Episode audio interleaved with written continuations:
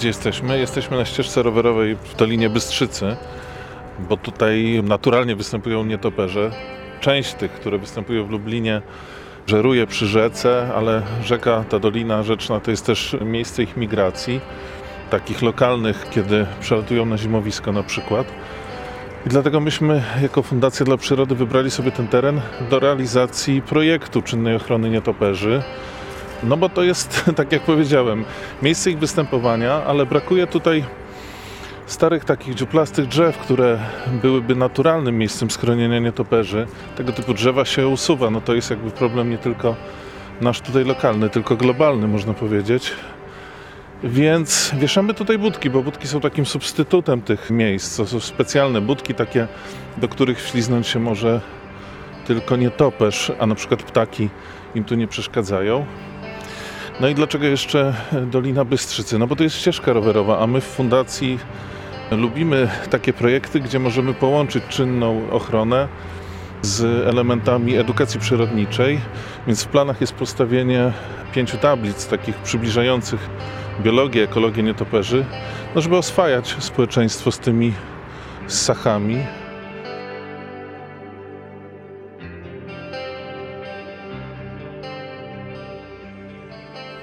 Spotkaliśmy się po zmierzchu, bo teraz są największe szanse, że coś zaobserwujemy czy usłyszymy. Ale to chyba, Michał, nie jest taki optymalny nietoperzowo moment. Nie, nie, masz rację. Okres rozpoczynających się chłodów jest związany z coraz mniejszą aktywnością owadów, a owady jako jedyny pokarm polskich nietoperzy przestają być aktywne. Nietoperze nie mając się czym odżywiać, również ograniczają swoją aktywność. No, w takie chłodne wieczory raczej nie są aktywne, choć z drugiej strony muszą być przygotowane w odpowiedni sposób do zimy, czyli muszą nazbierać odpowiednie zapasy tłuszczu do hibernacji w zimie. Dlatego część osobników próbuje jeszcze wykorzystać chwilowe ocieplenia, cieplejsze wieczory, cieplejszą noc, jeśli taka się zdarzy, i wówczas żerują. Tu możemy tą ścieżką zejść nad brzeg wody, z tego powodu, że nietoperze orientują się w przestrzeni za pomocą ultradźwięków, które są niesłyszalne dla człowieka można do badania ich obecności wykorzystywać detektor ultradźwięków, który przetwarza te ultradźwięki na dźwięki słyszalne dla człowieka. Później dzięki temu po odczytaniu konkretnej częstotliwości, odstępów, charakterystyki oscylogramu, porównywać te głosy i oznaczać nietoperzy do gatunku, badać ich aktywność, badać ich stopień aktywności w ten sposób, czy żerują, czy przelatują, czy wydają głosy socjalne. Do tego wszystkiego właśnie służą detektory ultradźwiękowe. Teraz ja słyszę bezpośrednio nawet. Ja słyszę ten pisk, nie wiem jak wy. Także moje uszy jeszcze... No dobra, może to był rower zardzewiały. Część gatunków takich jak podkowce wydają właśnie mm, dźwięki przez nozdrza. Dlatego mają tak rozwinięte okolice właśnie nozdrzy w kształt mniej więcej takiej podkowy. Tam jest jeszcze tak zwany lancet i po to właśnie, żeby tą wiązkę w precyzyjny sposób kierować przed siebie. Natomiast mroczkowate, inna rodzina nietoperzy, wydaje te dźwięki przez pyszczek, czyli one nozdrza mają no, mniej więcej takich powiedzmy średnich rozmiarów, y, nie za bardzo wydatne, a to już był karlik. Prawdopodobnie karlik większy albo średni.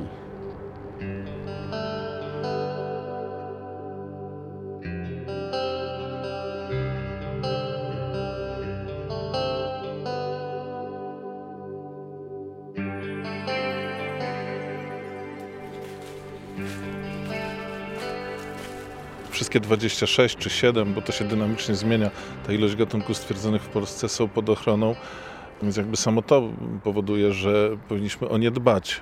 Tracą te naturalne miejsca schronień.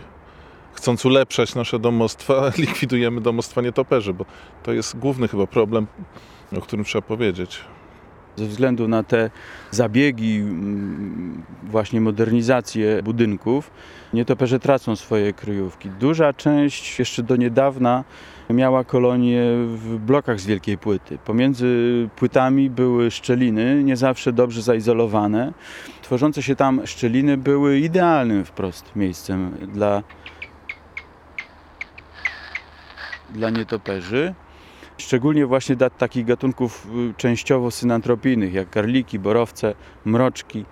Natomiast w ciągu dosłownie kilku, może kilkunastu lat praktycznie wszystkie bloki w naszych miastach i nie tylko w Lublinie, ale i w okolicznych miastach zostały całkowicie ocieplone. Wiele tych inwestycji zostało przeprowadzonych zupełnie bez opinii nie tylko chiropterologa, ale w ogóle przyrodnika jakiegokolwiek.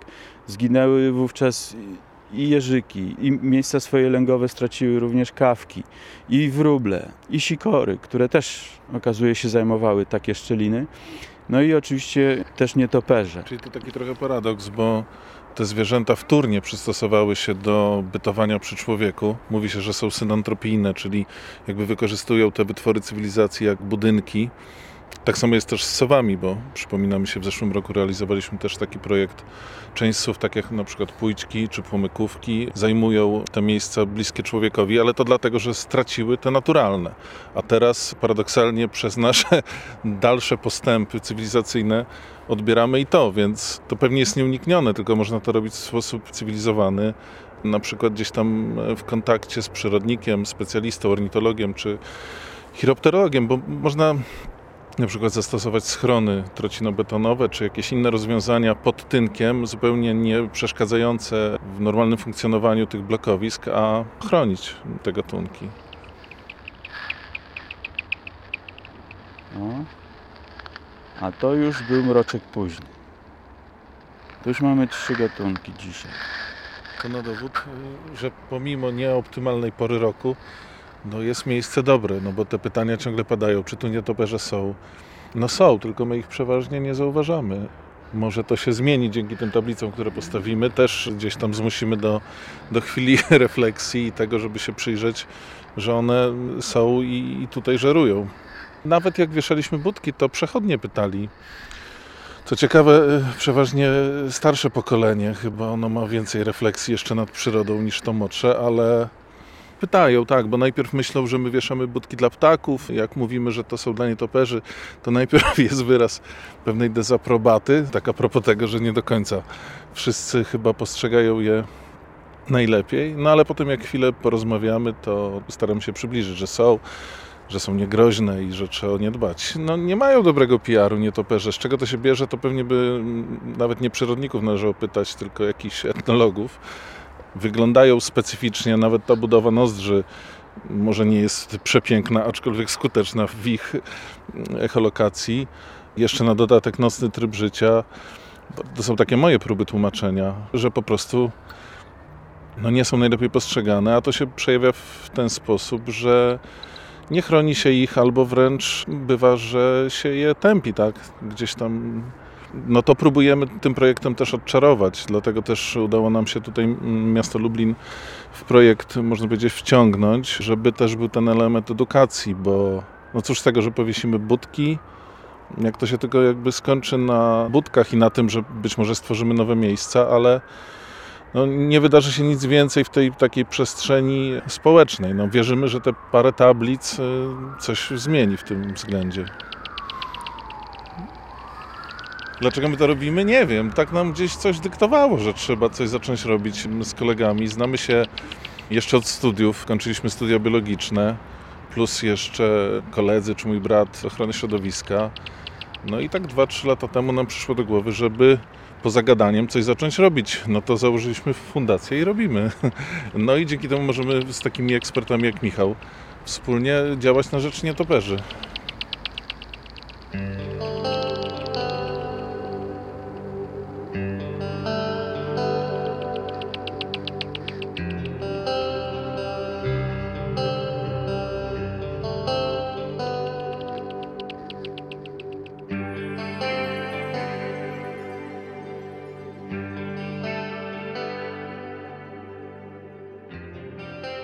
Jesteśmy w domu u Marka. Marka Dom to jest zarazem jego pracownia, e, dlatego że jest świetnym grafikiem i rysownikiem zwierząt. I tutaj jesteśmy, żeby porozmawiać chwilę o albumie edukacyjnym Rzadkie ginące gatunki zwierząt Lubelszczyzny. To było takie nasze pierwsze dzieło, jeśli możemy tak powiedzieć, ale jesteśmy z niego dumni, więc chyba możemy.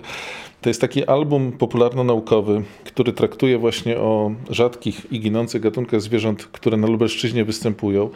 Między innymi o takich, które tylko na Lubelszczyźnie w skali kraju występują chcieliśmy zwrócić uwagę, że generalnie na przyrodę, na to, że są gatunki, które giną, których jest niewiele, a że na Lubelszczyźnie też są właśnie takie, które są tylko tutaj, żeby może trochę zmieniać wizerunek też tego naszego województwa, bo ono jest y, raczej tak rolnictwem postrzegane, a chcielibyśmy, żeby tutaj na tą przyrodę zwrócić uwagę. No i własnym sumptem taki album stworzyliśmy. Marek tutaj zrobił te piękne grafiki, o których pewnie zaraz powie, bo tu jest 100% rysunek. Marcin napisał świetny, popularno-naukowy tekst, taki, który prostym językiem miałby to przybliżyć. Kamil zrobił skład tego albumu, więc każdy jakby od siebie włożył coś, na czym się znał i co potrafił zrobić. No i jest taki album. Na kolejnych stronach mamy właśnie kolejne ptaki, ssaki, owady. Chociażby właśnie dzisiaj o nietoperzach była mowa. Te najrzadsze akurat nietoperze, właśnie choćby y, nocek Bechsteina albo następny nietoperz, którego mamy, to mamy nocka łydkowłosego. Zagrożone w Polsce nieliczne gatunki, rzadko spotykane, dlatego też umieściliśmy je tutaj. Zaczęło się to tak, że od pierw od ciekawości, później była możliwość chociażby stworzenia kilkunastu ilustracji, bo ja nie ilustrowałem tylko do tej książki, tylko ilustrowałem wcześniej już do kilku innych książek, bądź do kalendarzy, do różnych biuletynów informacyjnych dla parków narodowych bądź rezerwatów. Stąd mi przyszło, że właśnie poprzez rysowanie, chociażby tworzenie takich tablic edukacyjnych, bądź właśnie przedstawianie tych zwierząt, można dotrzeć szybciej do większości ludzi, a przynajmniej chociażby nawet do tych najmłodszych. No i tak właśnie w przypadku tutaj, im bardziej dzieci zainteresujemy czymś, chociażby ilustracją, przedstawimy mechanizmy różnego rodzaju, jak te zwierzęta się zachowują bądź żerują, to dotrzemy w jakiś sposób do tych dzieci i może się to przyczynić później, że te dzieci z kolei zaczną w jakiś sposób też chronić te zwierzęta i zacznie im na tym zależeć. Znamy się od lat, zawsze nam te tematy były bliskie, którymi się teraz zajmujemy. Pewnie każdy z nas by inaczej odpowiedział, jakby co tutaj odnajduje dla siebie, ale no, jesteśmy chyba w takim wieku, że każdy chciał coś takiego robić, co by po nim zostało. Przynajmniej taka jest z mojej strony istota tych działań. Jest nas pięciu. Jestem ja, Michał, Marek Kołodziejczyk, Kamil Stepuch, Adam Lesiuk i Marcin Polak. Każdy z nas jest dobry w czymś innym, każdy z nas na czymś się zna. Marcin jest naukowcem, zawodowym ornitologiem. Kamil świetnie organizuje środki, dogaduje się tutaj z różnymi organizacjami, jest prezesem też naszej fundacji. Adam jest świetnym specjalistą w dziedzinie ekologii, w kwestiach związanych z odpadami, też jest pracownikiem naukowym, podobnie jak Marcin. Jest Marek Rysownik i ja, który jestem najmniej przyrodniczy, a najbardziej techniczny i każdy z nas właśnie te swoje jakieś tam umiejętności do fundacji wniósł i chyba każdy ma frajdę z tego, że może to, co potrafi, tutaj oddawać, bo myśmy tu bardzo dużo rzeczy zrobili, na przykład ten album robiliśmy wszystko 100% własnym sumtem, bo nie było środków na to, żeby mieć wydawnictwo, promocję i tak dalej, więc skład robił Kamil, Marek rysował, ja pomagałem przy grafikach, Marcin napisał tekst, Adam konsultował. No ale my to jest jedno, ale też zapraszamy specjalistów z różnych dziedzin, bo się nie znamy na wielu rzeczach i nie chcemy udawać, że się znamy. Więc na przykład jeśli chodzi o nietoperze, to współpracujemy z Michałem Piskorskim, współpracujemy z Romkiem Mikuskiem. Świetnym specjalistą chociażby właśnie od SUW, w Polsce jednym z takich lepszych. Także zapraszam jak najbardziej grono ludzi, którzy są świetnymi specjalistami i na pewno będziemy z nimi współpracować, jeśli będzie dochodziło do następnych jakichś projektów.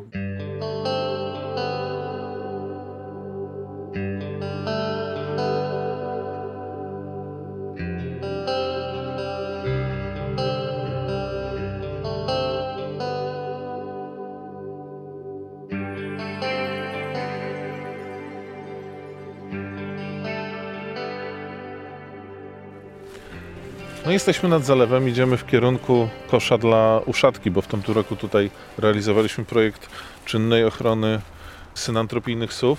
No przy okazji tej inspekcji sprawdzimy, czy coś się tam wydarzyło, czy może te sowy się pojawiły w międzyczasie, bo nawet nie, nie sprawdzaliśmy tego. No, czy w ogóle gniazdo było zajęte, to od tego trzeba zacząć. Tutaj samiec latał u szapki, dlatego tu też była powieszona ta ten kosz.